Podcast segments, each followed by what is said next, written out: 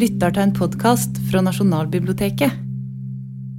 Velkommen, takk for invitasjonen, og velkommen til fremtiden, som det heter.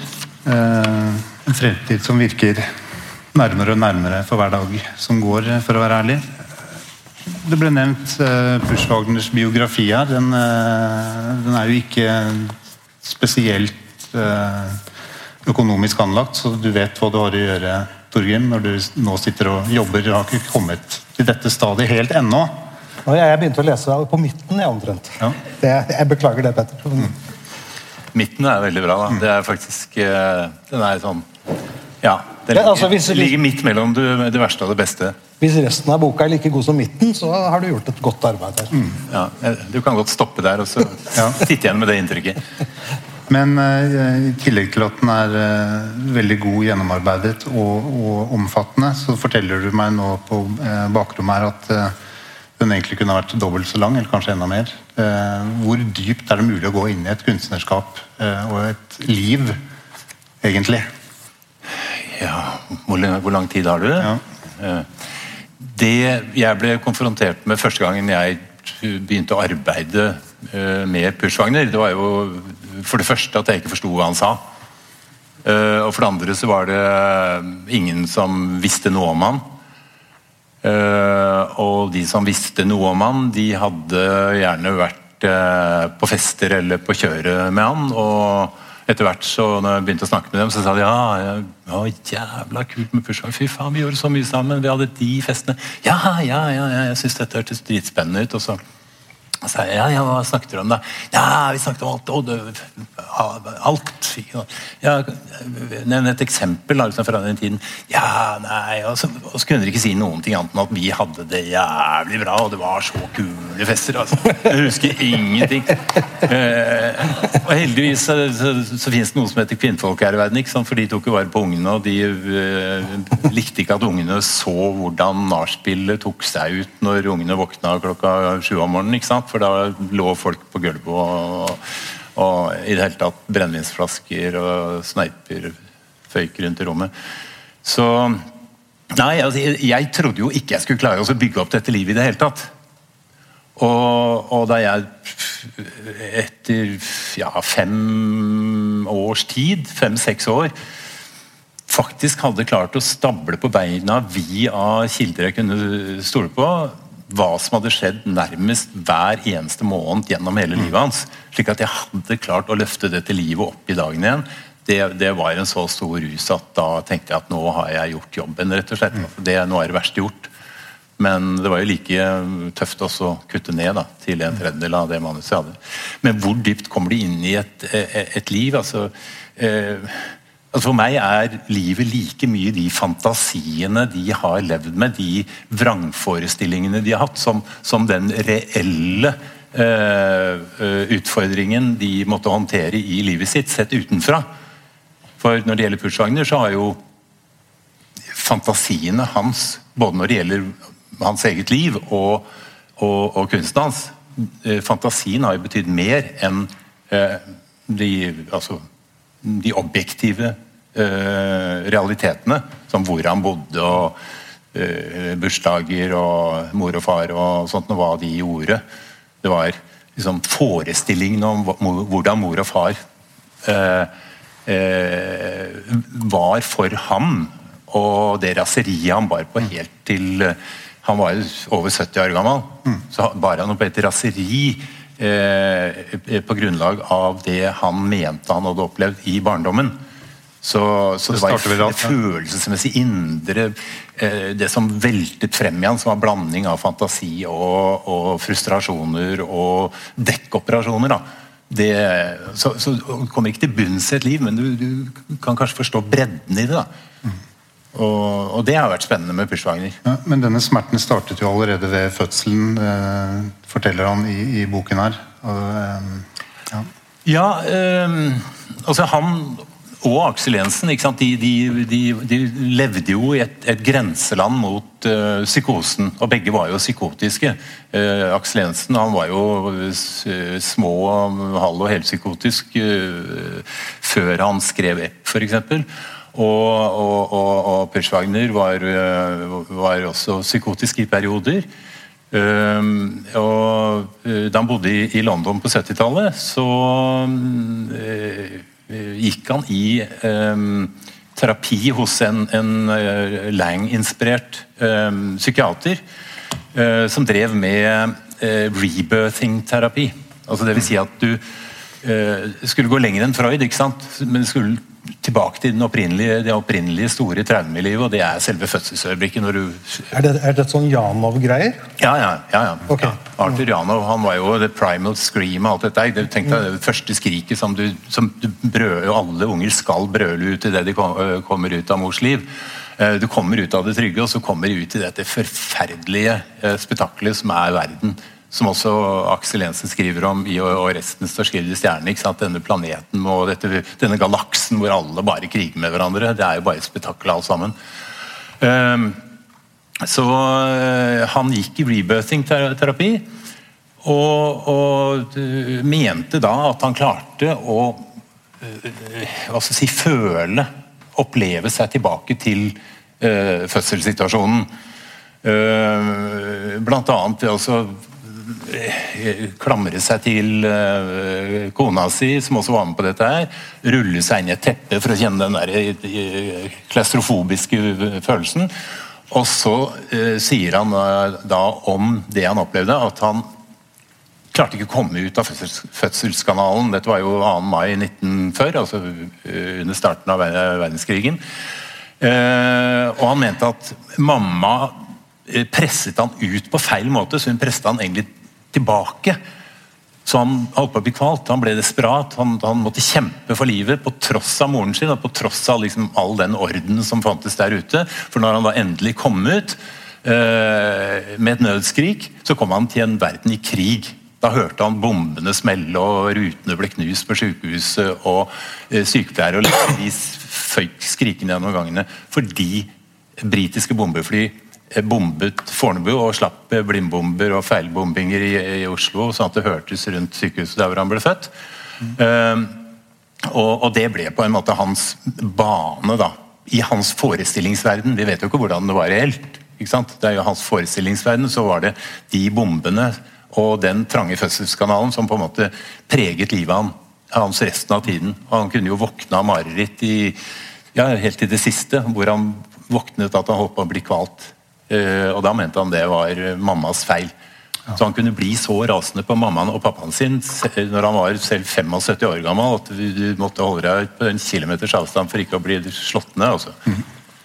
Vi kan vel alle føle oss slik i eh, enkelte stunder, om ikke hele tiden. Men eh, biografifaglig, Torgrim, så eh, har ikke du kunnet lene deg på eller, du, Hvordan går du frem for å, for å beskrive dette livet og, og verket. Har du gått på damene? Det er noen damer der også, for så vidt. Ja da, eh, det, er noen damer der også. Og, men det er riktig som Petter sier, at de som, de som husker noe av 60-, 70-, 80- og 90-tallet, de var ikke med. Så, så, så, det er mye dårlig hukommelse, og, og, det er kjedelig å sitte med kilder som du er nødt til å sette på plass og korrigere fordi de ikke husker riktig. og sånne ting. Så, så eh, mye og det arbeidet som jeg holder på med her, er fryktelig viktig. altså Jobbe med det skriftlige materialet. Jobbe med brevveksling fra 50- og 60-tallet. Da kommer det mye klarere og tydeligere fram hva, hva som faktisk har foregått, og når. Mm. Uh, og jeg uh, gjør stadig interessante funn her. Virkelig.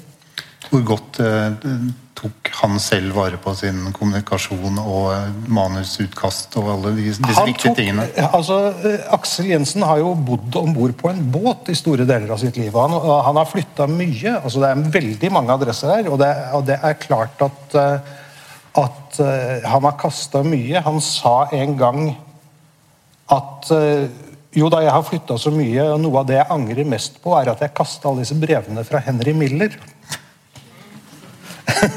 da kan du tenke deg hvilke andre ting som har gått i søpla etter hvert. Men, men det fins ting. Jeg har funnet eh, så seint som denne uka så har jeg funnet brev til og fra John Stark Cook fra, fra 50-tallet f.eks.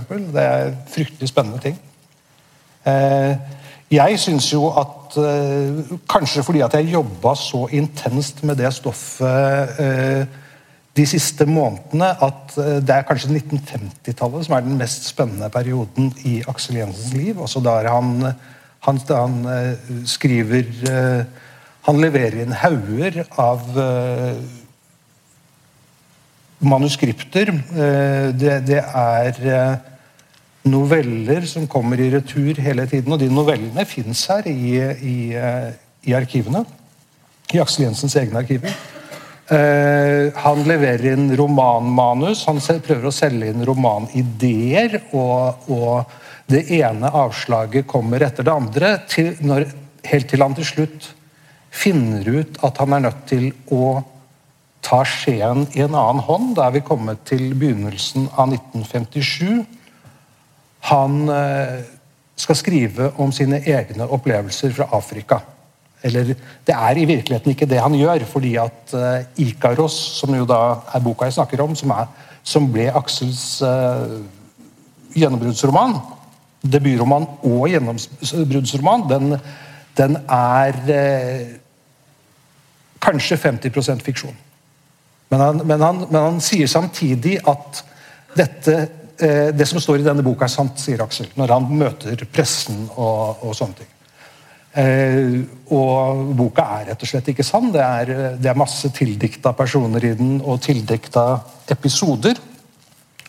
Men i hvert fall, han har funnet sin formel, og han jobber med den i to bøker til. Egentlig tre. Eh, den, den tredje romanen hans for Cappelen den ble aldri noe av. Den ble refusert. Så skrev han på Fyrabend, han sier sjøl at det tok to-tre uker, skrev han eh, sin tredje roman, som heter 'Joakim'. Altså Line, den store, den store om jeg skal si at det er den største romanen til Aksel Jensen, det, det, det synes jeg er litt vanskelig å si, for de er så forskjellige alle sammen. Men 'Line' er den som, som introduserer han for et stort publikum. altså Den, den går i 22 000 eksemplarer, eller noe sånt. Noe. altså Veldig mye for en romanforfatter den gangen, og veldig mye for en romanforfatter i dag også. Men når han er ferdig med disse bøkene, som, som er av mer eller mindre selvbiografisk karakter, så får Aksel Jensen et slags kunstnerisk sammenbrudd. Eh, han vil og må, tror jeg, gjøre noe annet, selv om livet hans fortsetter å være fryktelig interessant i flere år fremover. Han vil likevel åpne, åpne, en ny dør, skrive et annet stoff, og resultatet av det, etter mye slit og mye tvil, er Epp. Altså en slags science fiction-roman, hvor han skaper en, en, en, verden, en planet. Det begynner i det små, altså med, med eh, automasjonspensjonisten Epp i blokk nummer 682, er det det? 682. 682. Eh, men så jobber han videre med dette stoffet og utvider det. Akkurat som hvis vi, hvis vi skal ta en, en, en, parallell som alle kjenner, altså eh, 'Ringenes herre', tolken, så er det jo ikke slik at Tolkien har dette, hele dette universet i hodet idet han går i gang med å skrive. Han, han, han skriver historien om eh, hobbiten, Bilbo. Eh, Tolkien vet ikke på det tidspunktet hvilken betydning denne ringen skal få i det videre arbeidet hans. Han vet ikke egentlig hvem Gandalf er, og hvor Gandalf kommer fra. Dette er eh, noe som utvikler seg over år, og som til slutt blir til en av de mest kjente og kjære imaginære verdener i vestlig litteratur. Eh, et lignende arbeid var det Aksel Jensen tok fatt på. Mm.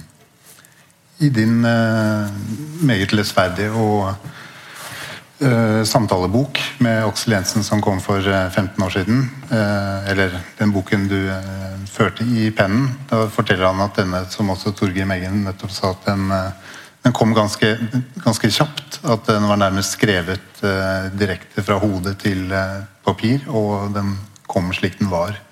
Eh, er dette fabuleringer, eller? Snakker du da om F? Ja. Jo, men det er sånn med Aksel Jensen at han sier eh, Du kan ikke stole på Aksel Jensen på noe punkt i det hele tatt. Han sier enten at denne boka tok to-tre uker å skrive, eller Det var årevis med slit. Det er aldri noen mellomting. Altså, alt, han, alt han tar i, blir til skryt på en eller annen måte. Men, de er... Men det kan godt tenkes at det gikk fort.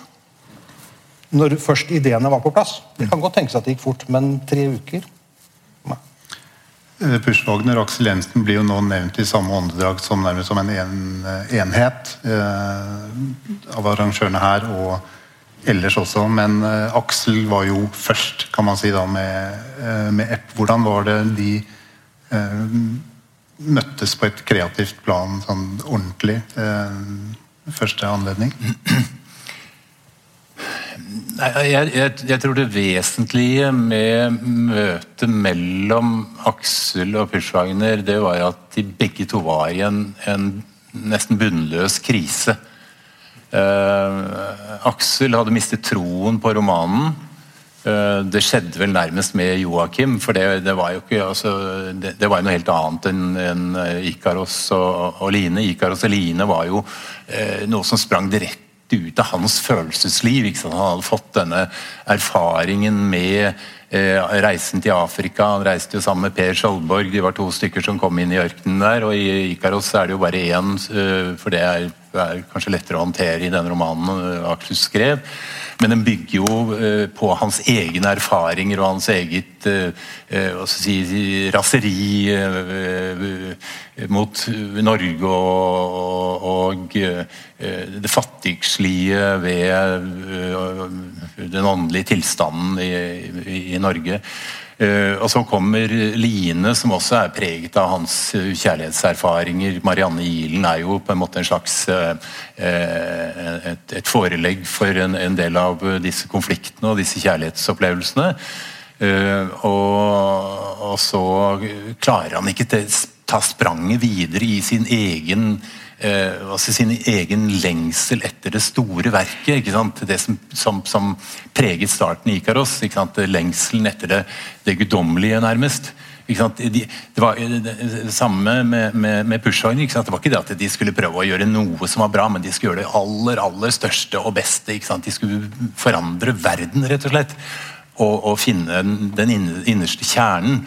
Um, så når uh, Pushwagner uh, traff uh, eh, traff Aksel, eh, så var han også inne i den, eh, den depressive tilstanden, fordi han ble regnet for å være en av de, en av de flinkeste og beste tegnerne i, i, kunstnermiljøet på den tiden. Han hadde fått ry gjennom Kunst- og håndverksskolen og, og, og, Kunstakademiet.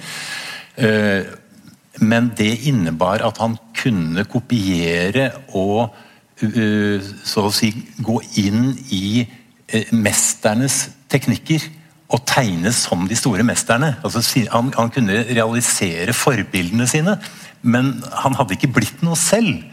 Han kunne tegne, men, men så lenge han ikke hadde sin egen strek, så var han et null i, i, i, i sin forståelse.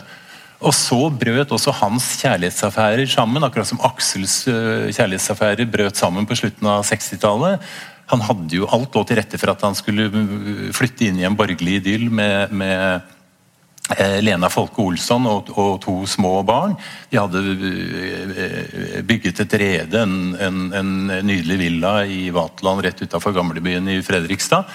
Eh, den var ferdig oppusset og med all moderne teknologi og TV og stereoanlegg og alt dette her. Og så går alt til helvete. For Pga. Eh, Aksels lengsel etter noe som er enda mye større, og det går på det, på det indre, kreative plan. Så han eh, bruker så mye LSD på den tida at, at, familien går til helvete, huset går til helvete, alt går til helvete. Og så flykter han og oppretter andre forhold og, og, og, og finner ut at han nå skal gjøre noe som er enkelt, fordi han ønsker ikke å, å please borgerskapet med tjukke uh, romaner. Han vil lage noe som er uh, samfunnsmessig betydningsfullt. Og det henger sammen med tegneseriene som kom fra USA, og da trengte han en tegner. Uh, slik at de på det tidspunktet begge to var på jakt etter det nye redskapet og den nye formen som kunne nå ut til hele befolkningen og forandre samfunnet til det bedre. da. Altså Dette var jo i en tid med Vietnamkrigen og, og, og kap, kritikk av kapitalismen og forbrukersamfunnet. Alle parodier er, ble jo skapt på den tiden. Eh, så viser det seg at begge er like glad i, eh, i uh, alkohol og, uh, og, dop. Og de går altså inn i et, et arbeidsfellesskap som, er, som gjør dem til ett. Og Det skjer altså i Skåveien rett opp i gata her, i den gamle leiligheten til, til uh, Seod Hambro, stortingspresidenten. Eh, og som Tankred Ibsen på det tidspunktet eh, eide og leide til tekstilkunstner eh, Siri Blakstad, som var kjæresten til Aksel Jensen. Og så Derfra så bygger de opp den nye streken og det nye uttrykket, som etter hvert viser seg å bli en sånn propagandamaskin for å bruke LSD. For i, i, i den fasen så blir LSD løsningen på alle problemer. Og Aksel ender opp med det tragiske engasjementet som kan kokes ned til den lille buljongterningen som Aksel gjerne ville ha ting til.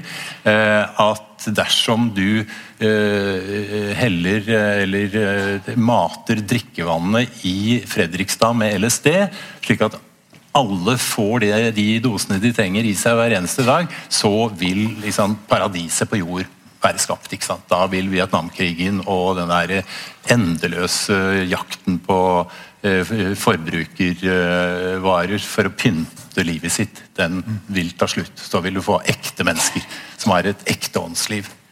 Fri fra all religiøsitet, ikke sant? men hvor alle sitter og er med åpne erkjennelsens dører i kirkene ikke sant? og svever i LSD-lys inn i lykken.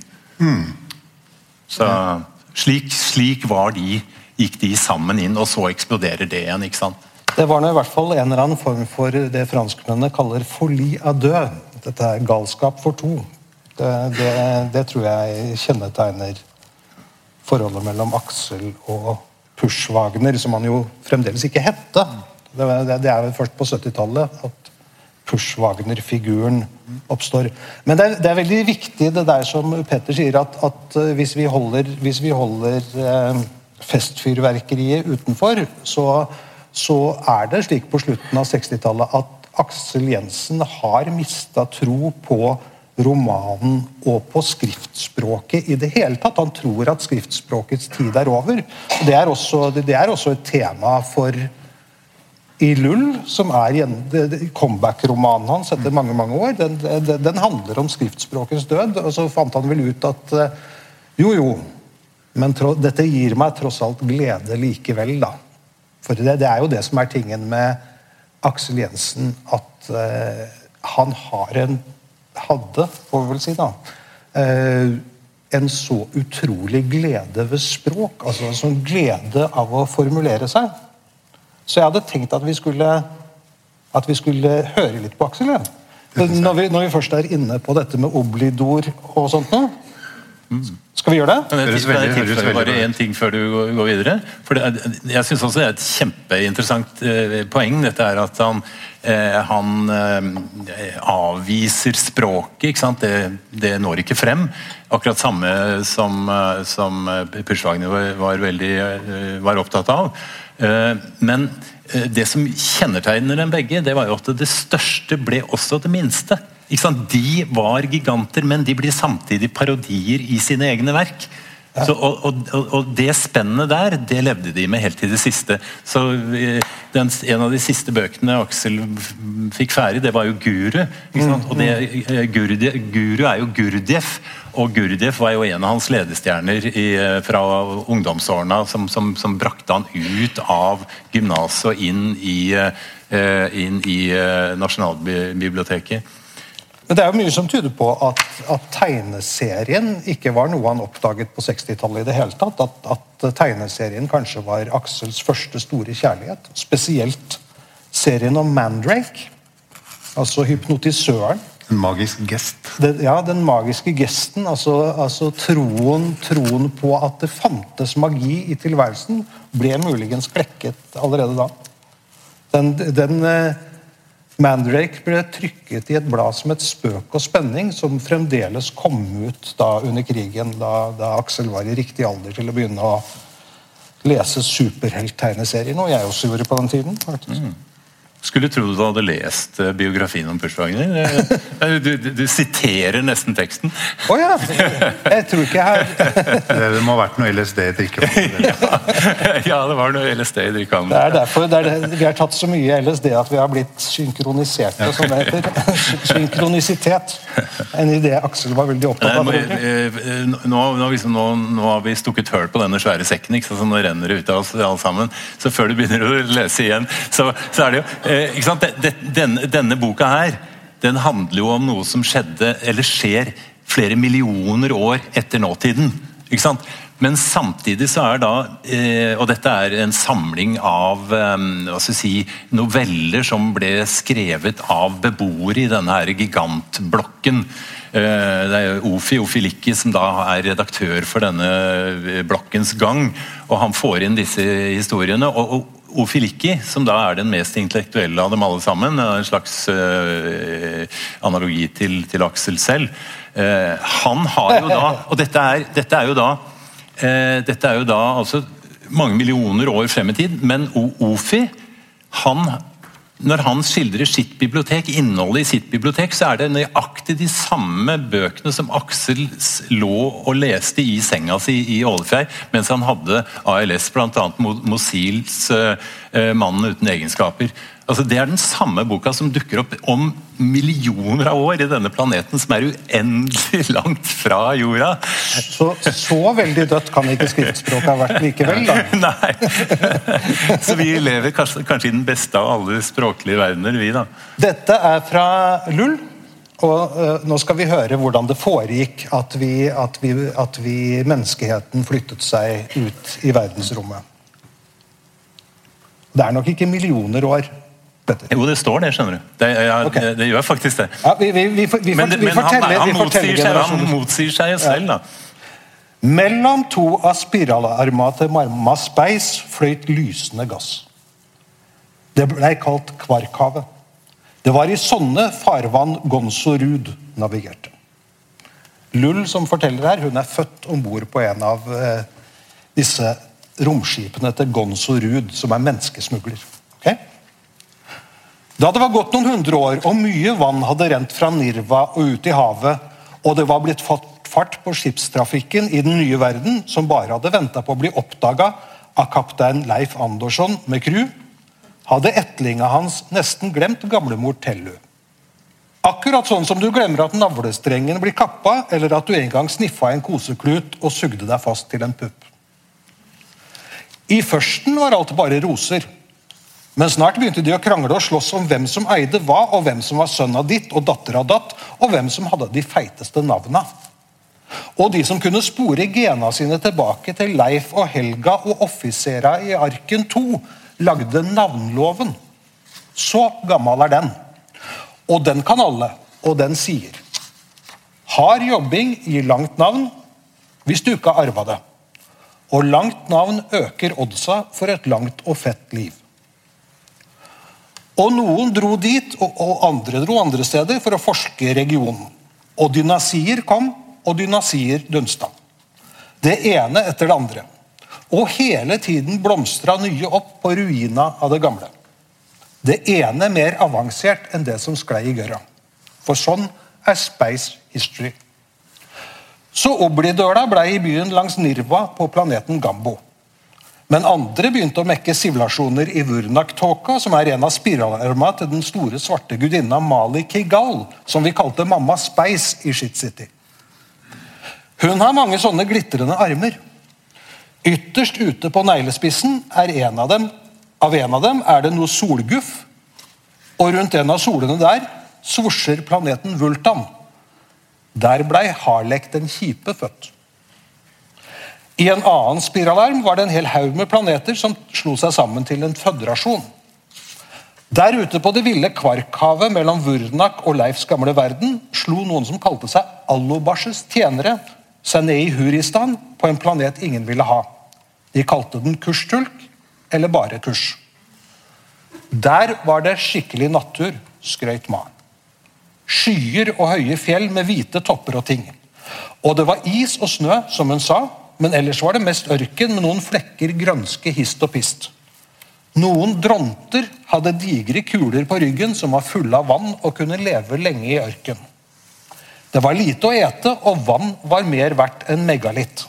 Men det var det mye. Og sola var hot som Satosh, så tulkene fra Huristan utvikla nesten svart hud som reflekserte vekk den intense varmen. Skygge var det de digga mest, og en av titla til Nebul Khan var Alobash sin skygge. Men natta kunne bli dritkald. Og da pakka kvinnene seg i en hel bråte serker, og hannknøla hadde lange kofter. De reiste i ørkenen på drontene og brant det de kunne finne av kvister og gamle knudrete røtter og tørka drontedritt, sa Ma. Og stjernene glitra fett. Rundt noen stjerner surra noen planeter, og en av dem het Gambo. Og på den bodde den store hora Oblidor. Og som en glitrende tåkegrønn drage kunne de se Hotam-galaksen, som fikk fantasien til å bakse med vinga. Sånn gikk mange tusen år. Folk multiflerte seg, og når det var blitt mange, ble det bare flere. Dette er interessant, da, for her har vi både Aksels opplevelser fra Sahara ikke sant? Men eh, den planeten som han beskriver, Eh, for de som er litt science fiction-savvy her Dette er jo June. Det er jo Frank Herberts Arakis han har, han har rett og slett eh, løfta rett av. Og det er Sånn jobber Aksel Jensen. da. Sånn jobber alle giganter. De står på skuldrene til en annen gigant, eller flere andre giganter.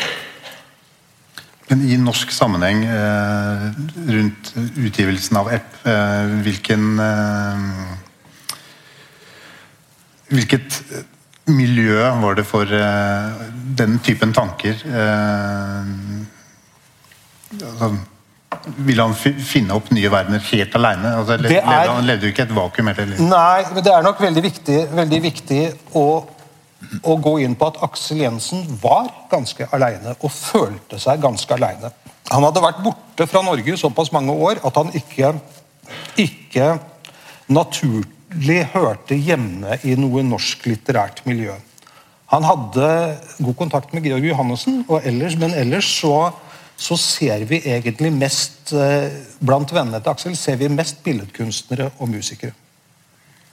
Men samtidig så, så er dette det, Epp kom i 1965. I 1966 kom den første av antologiene til Bing og Bringsværd. Altså, det var da eh, eh, norsk seriøs science fiction-historie starta, egentlig. Så, eh, og, og, jeg tror vi skal gå skru klokka noen år tilbake og, og se at 50-tallet, overgangen til 60-tallet, er egentlig science fiction-litteraturens gullalder sånn internasjonalt sett. Eh, vi så ikke så veldig mye til det i Norge, men internasjonalt sett var det det. De store verkene kom til i løpet av den tiden der. Og Aksel fulgte vel sånn noenlunde med. Han, han har faktisk skisser og noveller allerede fra 55 som er science fiction-pregede. altså Hvor han bruker den typen konsepter, eh, tenkte verdener osv. Så, så han har jo tumla med disse ideene en god stund, men, men, men, først skulle det skrives alt dette, alt dette personlige, da, som, som, jo til slutt eh, vil jeg nesten si tok knekken på. Jeg, jeg tror jo at uh, både Aksel og Pushwagner de var Eh, de hadde ikke kontroll eh, på sitt eget liv på noe vis. Eh, det som skjedde, var påvirket av tilfeldigheter. Det kan være kjærlighetsforhold, det kan være krangler, kritikk helt overfladisk kritikk av, noe de hadde laget, f.eks. Aksel begynte jo som, som, kunstmaler. Det var det som var hans tidligste prosjekt. Uh, og så uh, ja, så skulle han nærmest Han oppførte seg som en olding. Han ble jo tatt for å være en olding. Han skrev sånn kronikk kronikker i Morgenbladet og om egyptiske pyramider og ting som, som ungdommen overhodet ikke interesserte seg for. Og ingen av kameratene hans fra gymnaset skjønte hva det var han babla om i det hele tatt. Så han var jo en ensom skikkelse. Og så Eh, rett før han skrev Epp, så, så, jobbet han jo med en oversettelse av James Joyce' 'Ulysses'. Eh, og det måtte han gi opp, eh, som han gjorde med en hel rekke andre ting. Og, og, og, og så vandret han rundt, rundt, i London og gikk på et eh, hva heter det, British Museum og, andre kulturinstitusjoner og, begynte å skrive på en roman om en dverg som het Borbola. Og så plutselig så sier det ett inni uh, huet på han, og så begynner han å skrive uh, denne science fiction-historien. Så at det ble science fiction som på en måte ble hans uh, krone til slutt i det litterære arbeidet, det, er, det, tror jeg er helt tilfeldig. Det samme er det med, med, med, med Pushwagner. Eh, han prøvde seg på en masse rare ting, og så snubla han over det ene og det andre, og så havna han i en forferdelig eh, LSD-utløst psykose som gjorde at han havnet på sjette avdeling på Ullevål sykehus. Og flytta tilbake til London og kjempet seg ut av den psykosen. og Da hadde han lest William Burroughs, som også Aksel gjorde, som drev med cutups-teknikk, hvor han bare klippet i stykker alt han hadde skrevet, og så strødde det på gulvet og fikk helt unike tekster. Samme gjorde eh, Pushwagner. Og, og, han begynte å tegne huset på den andre siden av gata. han. Uh, uh, for å jobbe seg ut av psykosen. fordi han, han, han, begynte å fantasere hva skjer bak uh, disse vinduene i disse leilighetene. og Så begynte han å tegne det, og så klippet han opp hver, hver, hver enkelt vindusrute og så satte det til sammen tilfeldig. Og dette, dette, er jo da et, et eh, resultat uh, egentlig av hans kamp for å komme ut av psykosen, hvor nærmest uh, disse høyhusene beveget seg svimlende i hans visuelle horisont. Og så brukte han da William Barrows som hjelpemiddel. Så, så, så de, de, de, de, fløyt bare som en kork på vannet, og så ble kasta hit og dit. Men, og så... men, selv om de møtte hverandre i et felles mål om å, å forandre verden, så var det vel utvilsomt et maktforhold der da, i, i hvem som hadde de beste tankene. Forfatteren var kanskje konge fremfor den som skulle tegne. Eh, er det kommet fram mye om dette? Om deres faktiske samarbeid de, de første årene fra 68 og, og, og fremover. Pushwagner var jo, han så jo på Aksel som en gud. Ja. Han, det, var jo, det var den fremste på en måte eh, nyere etterkrigsforfatteren som skrev om, eh, om virkeligheten til ungdom etter krigen. Uh, og uh, Han var eventyreren som var på Hydra, det var intervjuer med han i Dagbladet og andre aviser. og Pysjvagner var en av de mange som sugde til seg all, denne mystikken og alt dette eventyrlige og disse store vyene til, til Aksel. Aksel hadde jo dette her i kjeften. Det var jo så gigantisk alt sammen. Og så møtes de, og da er det så vidt Pysjvagner tør å prate med han, så han var jo som en sånn han var jo en adept, han var jo som en bikkje som ble uh, leiet rundt av, av, av Aksel. Altså, Aksel hadde jo brukt ganske mange år på det tidspunktet til å følge guruer.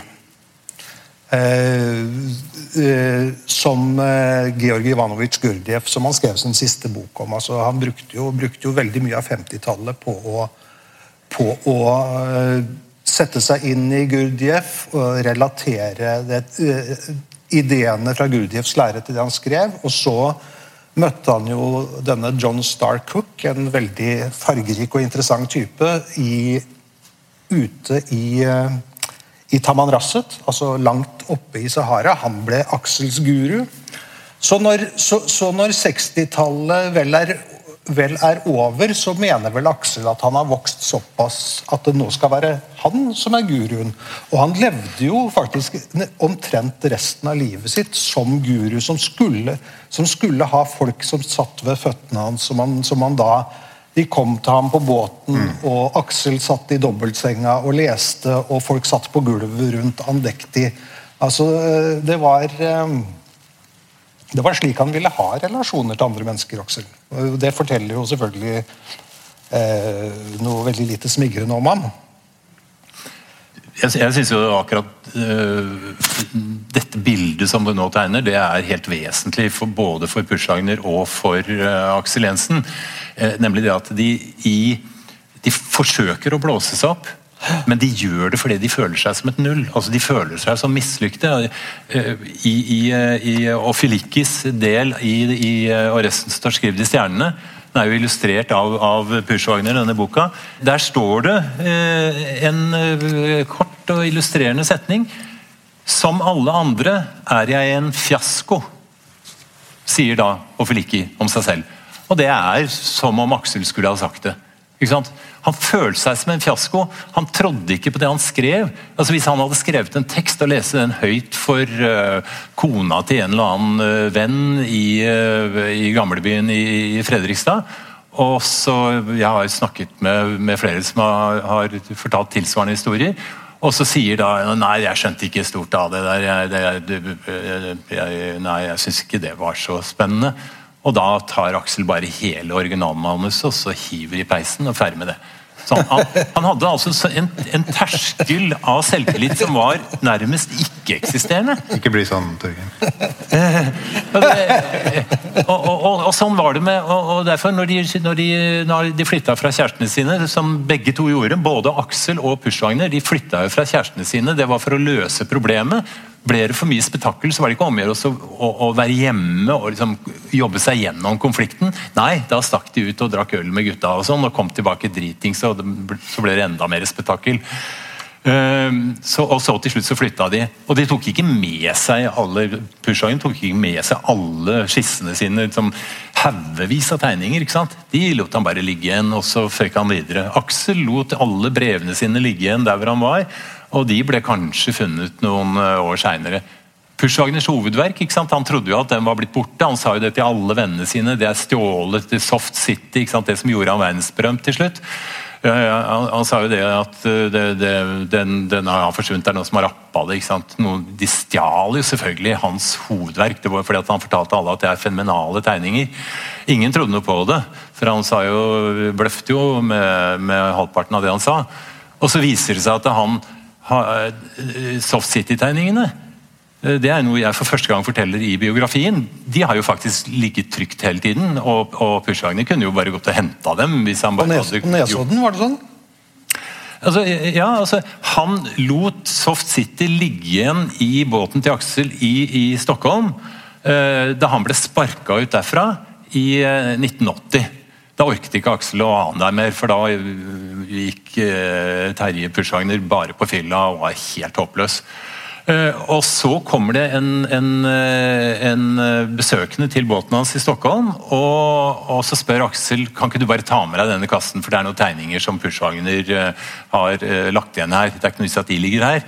Eh, så kan du levere det til han i, i Oslo. Og så, ja, ja, det kunne han godt gjøre. Så tok han med denne pappesken, da, som Aksel kalte bare noen, noen, noen tegninger, noen, noen papirer. uh, og så uh, uh, prøver han å komme i kontakt med Pushwagen. Hvordan kommer du i kontakt med Pushwagen i 1980? Da? Han har jo aldri hatt en bolig, aldri hatt en, en, en bankkonto, aldri hatt en, sin egen leilighet. Han, han har vært en sånn trekkfugl. Eh, så han glemte å, å levere tilbake den, disse, disse, kladdene, disse skissene, som var helt Det var nærmest søppel. Og så går det altså 22 år, og så ser han tilfeldigvis denne fyren som har denne pappkassa, han ser tilfeldigvis et bilde av Pushhagen på forsiden av Aftenposten i 2002 i forbindelse med In the City Art Attack, en, en svær uh, kunstutstilling av unge kunstnere. Uh, Pushhagen var jo ikke spesielt ung på den tida, men han var med ikke sant, som en gærning. Uh, og Han så et bilde av Pushwagner Uh, og tenkte at jøss, Pushwagner sto det under. Jøss, ja, er ikke han som eier denne kassa? Og så ringer han og får tak i Pushwagner, og så er uh, da Soft City reddet for verdenskunsten.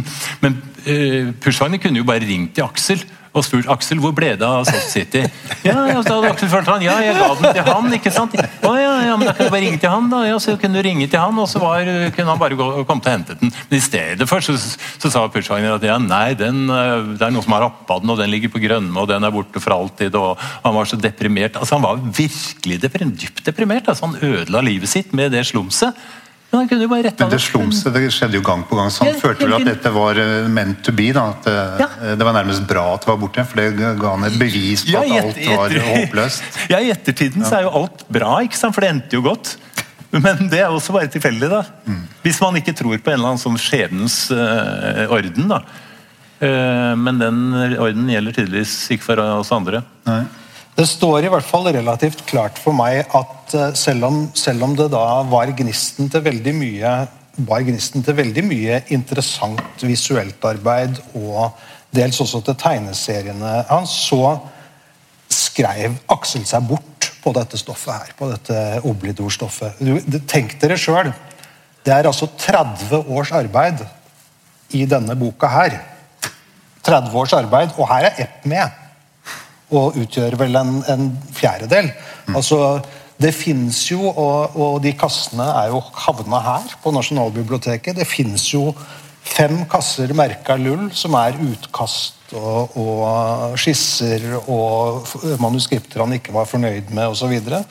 Eh, men eh, sånn alt i alt så, så kan man ikke si at, at dette befruktet forfatterskapet i noen voldsom grad. Eh, Min, min tese er at eh, uansett hvor på halv tolv og jævlig det kan ha vært, så var det Push som fikk mest ut av dette samarbeidet. Det er jo paradokset. ikke sant? At Den dumpusken som de to satt på, Aksel satt på toppen da de begynte, og så eh, forandret dette seg til en slags likevekt, og så plutselig så spretter Push opp av gjørma, og det er jo helt ubegripelig. Så det er en sånn skjebnens eh, parodi eller ironi eller eh, Men eh, Men de tre-fire prosjektene som de prosjektene, Det høres litt sånn blåres ut i, i sammenhengen her nå, men som de arbeidet med fra da eh, 68 og noen år fremover. Hvis vi prøver å kartlegge de veldig kort, eh, var alt samme grunntanken? Så ble det spredd rundt, eller var det separate ideer? Nei, altså det, Noe av det kom ut De uten- følte seg fram til å begynne med. Men eh, det prosjektet de eh, realiserte, det var jo, eh, det var jo en dag i familien manns liv. Og, og, og det, da de debuterte med det verket på Høvikodden i 1980, våren 1980, så var jo det en sensasjon. For det første så var det en, en, en stil som Norge aldri hadde sett. Og publikum som kom der, de hvisket seg mellom og sa dette er jo ikke kunst, dette er jo bare tegneserie, det er, det er, dette er en skandale. Uh, og, og for det andre så var det jo Aksel Jensen som fikk alle forsidene og alle intervjuene. Uh, Pushwagner satt rolig i en krok og, og smilte og, og, sugde til seg den kraften som, som lå i skyggen av, av Aksel. Det Eh, fins ikke, ikke et ord tekst i familien manns liv. Altså, Nei, nei. Det, det, er, er, det, det er kun bilder, så hvordan i all verden dette kunne bli et, være et Aksel Jensen-verk, det er eh, det, Men, men det er faktisk veldig interessant, fordi Aksel eh, hjalp jo Pushwagner Ja, ja. med også å lage skisser. For når, når han ville at, at, eh, at Pushwagner skulle tegne disse foreleggene til En dag i familie manns liv, eh, men når han ikke tegnet riktig, så eh, tok jo Aksel selv pennen og tegnet noen skisser. Eh, så, så de var på en måte sammen om å bygge det opp, men likevel så var det jo Pushwagners Så en produsent kan man kanskje ja, ja, sammenligne det med. eh, litt, En produsent, ja. Men så begynner jo eh, hvis, eh, Dette vet du bedre enn meg, Peter, men så begynner vel egentlig en dag i familien manns liv med Doktor Fantastisk. Eh, Nei, altså eh, eh, egentlig ikke. De, de, eh, det er vanskelig å si hvor det begynner. for at du? De, de, sa jo at de hadde en 20 kilos plate med hasj fra Marokko, som de hygget seg med i tre måneder i, vinteren 1969. Det var da de begynte. Og da Det begynte jo med sånne der I love you-historier. ikke sant? Nakne damer som føyk gjennom verdensrommet til nye galakser og sånn. Og, og, og, og så videre. Eh, og så begynte de vel å, å nærme seg um, eh, en konstruksjon av noe som kunne ligne, ligne på Soft City, som altså uh, Foreleggene for Soft City ligger jo utstilt her også. Så, uh, uh, så de kom et stykke på vei der, og så ville Aksel ha med seg flere i dette tegneseriekollektivet, og, eh, og inviterte med seg Roar Høiland og eh, Tore Bernis Pedersen. Eh, og, det som, og det fungerte jo ikke for Pushwagner. For han, han, klarte ikke å samarbeide med flere. Han måtte ha liksom en farsskikkelse tett på seg som holdt ham oppe, og som han uh, gikk uh, si, ble forenet med, da, som nesten platonsk, i et, et sånt åndelig kjærlighetsforhold. Ja, altså Push ble vel egentlig skvisa ut av det prosjektet. må jeg kunne si det. Altså, og, og, det handla vel litt om at, at Aksel hadde tiltro til Tore Bernitz Pedersen, som var profesjonell reklametegner, som, som hadde kontroll på disse her tingene med letrasett og sånne ting. altså Den typen teknikker man brukte den gangen, som ikke Push kunne ikke noe om det. Mm. Tore Bernitz Pedersen er jo også forelegget til Joakim. Det er jo han ja, som er Joakim. Som, Ja, der skildrer de jo eh, livet på Hydra. En reklametegner som kommer til Hydra og, og går, går dukken. Jo, men det er også vanskelig å si da, i Joakim hvor Tore Bernitz Pedersen slutter og hvor Aksel Jensen begynner. For den er, sånn er temmelig selvbiografisk, den romanen også. Alt, alt, ja. Og man kan, vel, man kan vel si det sånn at uh, Nå er vi litt på vidden her, men når vi først er inne på temaet, at, uh, at uh, det er vel i Joakim at Aksel skildrer den store nedturen ved, ved bohemlivet på Hydra, som han da har levd i i tre-fire år. ikke sant? Og hva dette til slutt ender med. Eh, det ender med en eh, med forferdelse og en bilulykke og osv. Mm.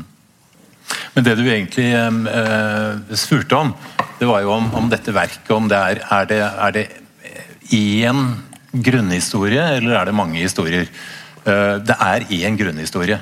En dag i familien manns liv handler om uh, et Altså, det er et satirisk Et satirisk verk om dette Denne sivilisasjonen, som er som, som, bare konstruerer våpen, og med servile arbeidere som ikke stiller spørsmål om noe som helst. Bare de får mat og lønningspose nok til å se på soft news og spise soft eh, meat og, og, og, alt dette her. Uh, og så har du Soft City, som selvfølgelig er det samme som En dag i familien manns liv. Og så har du New York-frisen, som man laget i New York i, i, på slutten av 80-tallet. Og, og, så har du Apokalypsefrisen, som er hans hovedverk. Eh, du ser Aksel Jensens samfunnskritikk. Altså Samfunnskritikken og satiren kommer fra Aksel Jensen. Og Det er det Pushwagner har videreutviklet i sine selvstendige verk. Og så har du eh, til og med alle navnene på hovedverkene til, til Pushwagner. Klakstan, Oblidor, eh, Heptasjinok, eh, Selvportrett. Alle disse navnene som nå er verdensberømte, de kommer jo fra Aksels munn. Og delvis fra eh, denne boka. her. Så Hvis man leser denne boka, så vil man oppdage Pushwagner hele veien. Til og med navnet Push uh, står her.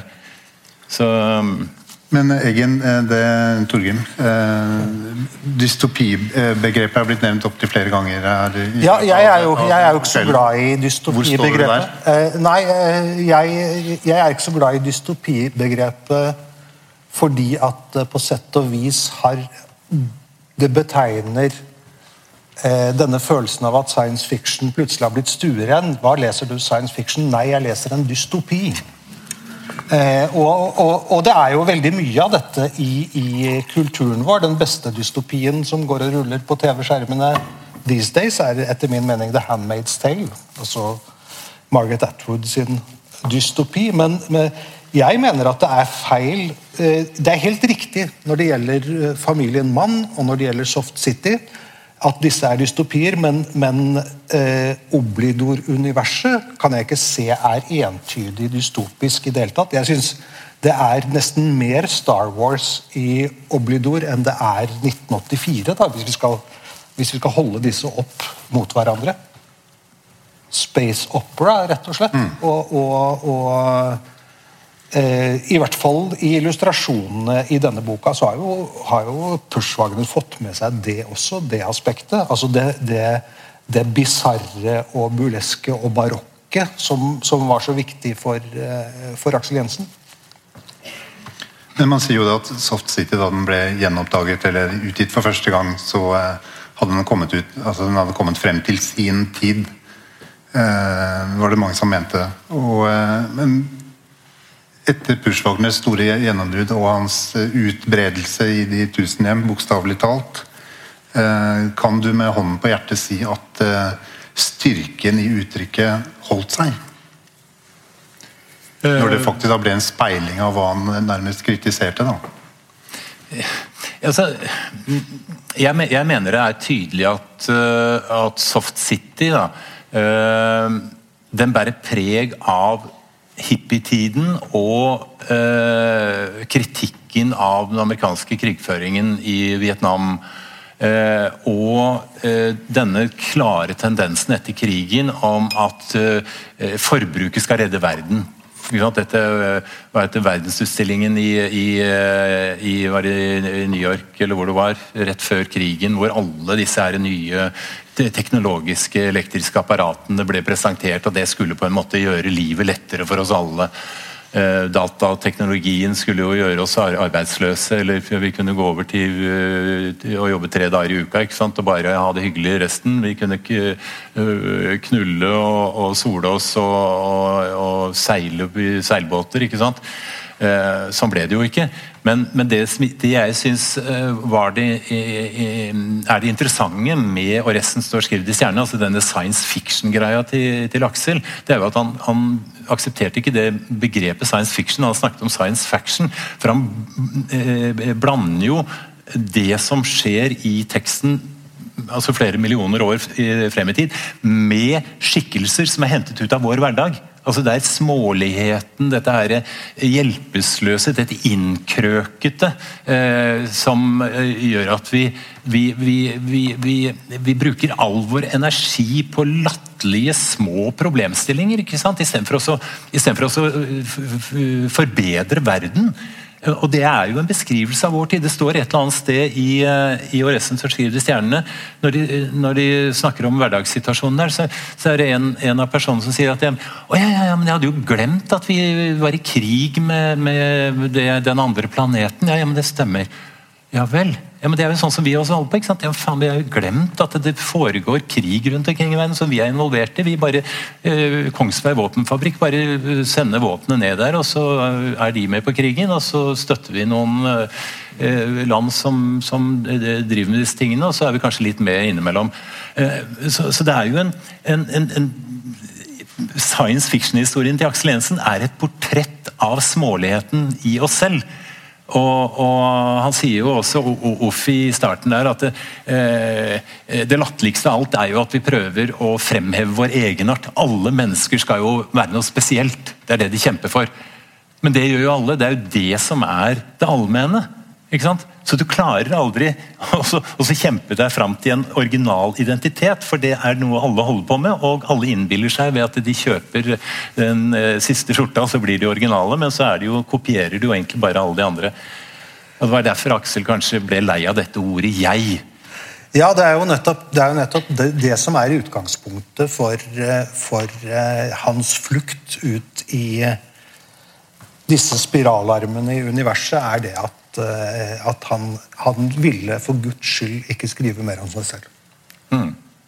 Men, men, slik jeg opplever det, så, så selv, om han, selv om han da skrev seg bort, som jeg sier, altså at det ble produsert til slutt eh, ganske lite på veldig mange år, så, så vokste jo denne verden i hans fantasi og i de manusbunkene vi aldri har sett.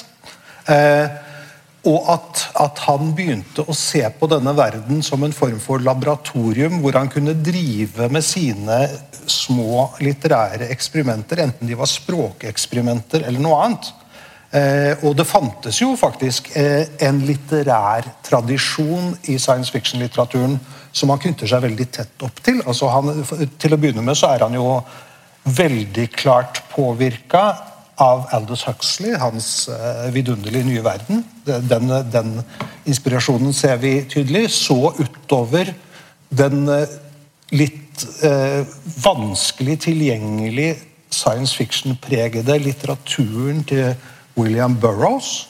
som, eh, som Aksel eh, sier sjøl at han eh, har kasta bort mange år av livet sitt som forfatter på å prøve disse her cut-up-teknikkene. og Prøve liksom å finne, bryte ned strukturer og sånn på den måten Burroughs hadde gjort det. Men samtidig lar Burroughs sine historier utspille seg i et fremtidsunivers. Og når vi kommer helt på slutten av, for, vi nærmer oss slutten av forfatterskapet med, med Lull, så ser man tydelig at det er en annen type påvirkning igjen. Da er det dels så, så driver han med sin store litterære helt Raymond Chandler. altså Han skal, han skal uh, benytte dette noir-språket i, i, i, i, science fiction-litteratur. Og der holder han på omtrent parallelt med med William Gibson. altså mm. det, det, han skriver Lull er på en eller annen måte en form for erotisk cyberpunk, vil jeg nesten kalle det, mer enn, en science fiction. Han var opptatt av, av, av, av, disse trendene. Aksel Jensen var kjempefan av filmen Blade Runner, som han satt og så på repeat der nede i båten sammen med Pratiba. Gud vet hvor mange ganger Pratiba måtte holde ut Blade Runner. Mm. Bare for å ja, okay. si det i, i farten. Uh, Lull var jo ikke et, et ordentlig menneske. Var, det, dette var en syntetisk konstruksjon. Uh, denne hora ja, hun, er en, hun er mutant. Ja, men han, han kaller henne syntetisk. ikke sant? Det er, eh, og det er jo mange av de andre figurene her uh, i, i, i, dette universet. ikke sant? De har datachips De er bygget opp av datachips og, og forskjellige komponenter som vi, vi gjenkjenner fra eh, datateknologien? Nei, da, Lull er av kjøtt og blod, men hun er mutant. Det er derfor hun er grønn. Ja. Ja, det er bra. Du, Han vil ikke svare, så jeg spør deg i stedet. Føler du at Pushwagners kunst overlevde eh, overeksponeringen han har blitt eh, til del de siste ti årene? Også som masseprodusert. Eh, altså, du har jo sikkert vært på besøk hos veldig mange mennesker. Og eh, du kan ikke unngå å se at hyppigheten av eh, Pushwagner-trykk eh, ja, men det er, det er, vel bedre det enn at han blir glemt, vel. Tross alt. Jeg mener, Pushwagner er en viktig eh, samtidskunstner. og, og vi, skal ikke, vi, skal vel ikke, gråte over at uh, sentrale samtidskunstnere slår gjennom til et stort publikum. Det er, det, er, det er, jo hva man håper på. Det var i hvert fall hva Aksel Jensen håpet på. Mm. For, sin, for, sin, for sin kunst. Det syns jeg var veldig fint eh, svart, Torgeir Meggen. Det er tydelig at det er mye å diskutere når det gjelder eh, kunstnerskapet og forfatterskapet til Pushwagner og Aksel Jensen. Disse to herrene har, eh, vil antageligvis få flere anledninger til sammen eller hver for seg til å utbrodere dette i, i fremtiden. Enn så lenge så må vi bare takke for det de har gitt oss her i kveld. Ja, så grip tak i de kanskje på gata, eller kanskje til og med her etterpå, hvis det er noe dere brenner inn med som dere ikke turte å spørre om. Jeg skal kanskje, kanskje gjøre, gjøre, oppmerksom på at min bok kommer, hvis Alobars vil, neste høst. Har du sagt det. Tusen takk.